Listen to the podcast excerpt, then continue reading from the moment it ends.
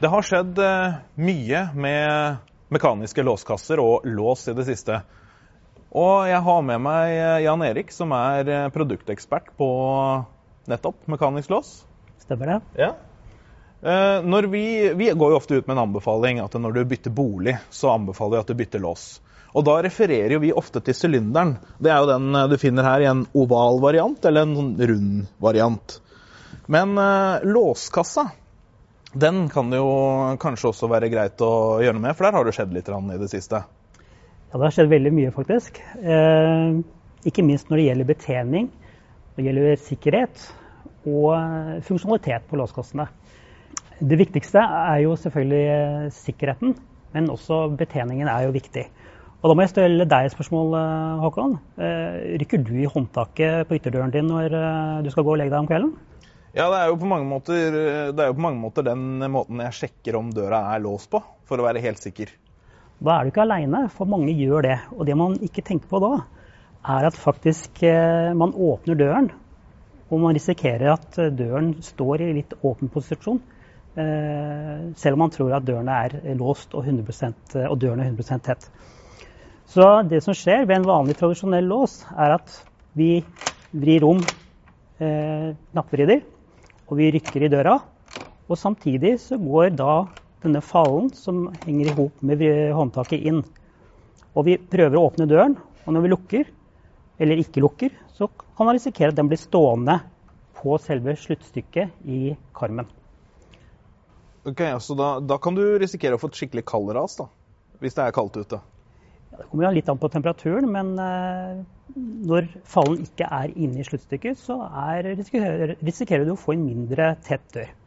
Riktig. Og med fallen da, så mener du at denne her holder døra på plass, ikke sant? Det er den som holder på døra plass i eh, karmen. Ja. Reilen er jo den som du låser med, og skal sikre at eh, døren ikke går an å, å åpnes av andre enn deg selv. Riktig.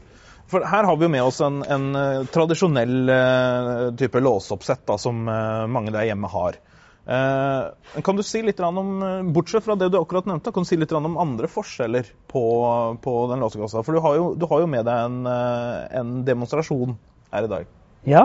den nyeste låskasseserien fra Assa Abloy, Connect, her har man utviklet en ny funksjonalitet med å låse døren ved hjelp av vrider. Man vrir eh, håndtaket oppover, og man låser med en hakereile i sluttstykket. Fordelen med det er jo at eh, en hakereile låser i selve sluttstykket og gjør at eh, døren er sikrere. Eh, I tillegg så eh, istedenfor å låse med selve sylinder, så sperrer man bare ved å vri rundt knappen. Og selve falen den står i fast i, i sluttstykket. Så døren, du vil ikke eh, åpne døren når du da har denne funksjonaliteten på låskassen.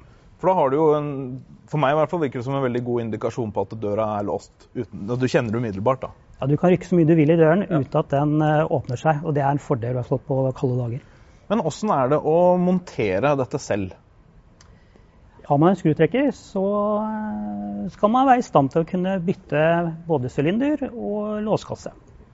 Men eh, hvis man da har f.eks. mer enn to tommeltotter, hva, hva, gjør man da? Jeg har veldig forståelse for det. Eh, de som syns dette kan være litt skummelt, eh, da er det jo bare å ta kontakt med en lokal låsmed som kan gi litt tips og råd. Og vi kan godt anbefale et Triving sikkerhetssenter. Nå har vi jo sett at uh, denne låsen hjelper deg med å både holde døra tett, den er lettere å betjene. Men hva med sikkerheten?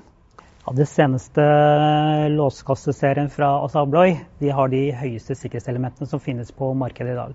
Ja, og til dere der hjemme så er det da opp til dere å finne ut av om dere har eh, to eller flere tomler som eh, gjør at dere enten velger å ta jobben selv, eller sette det bort til en profesjonell.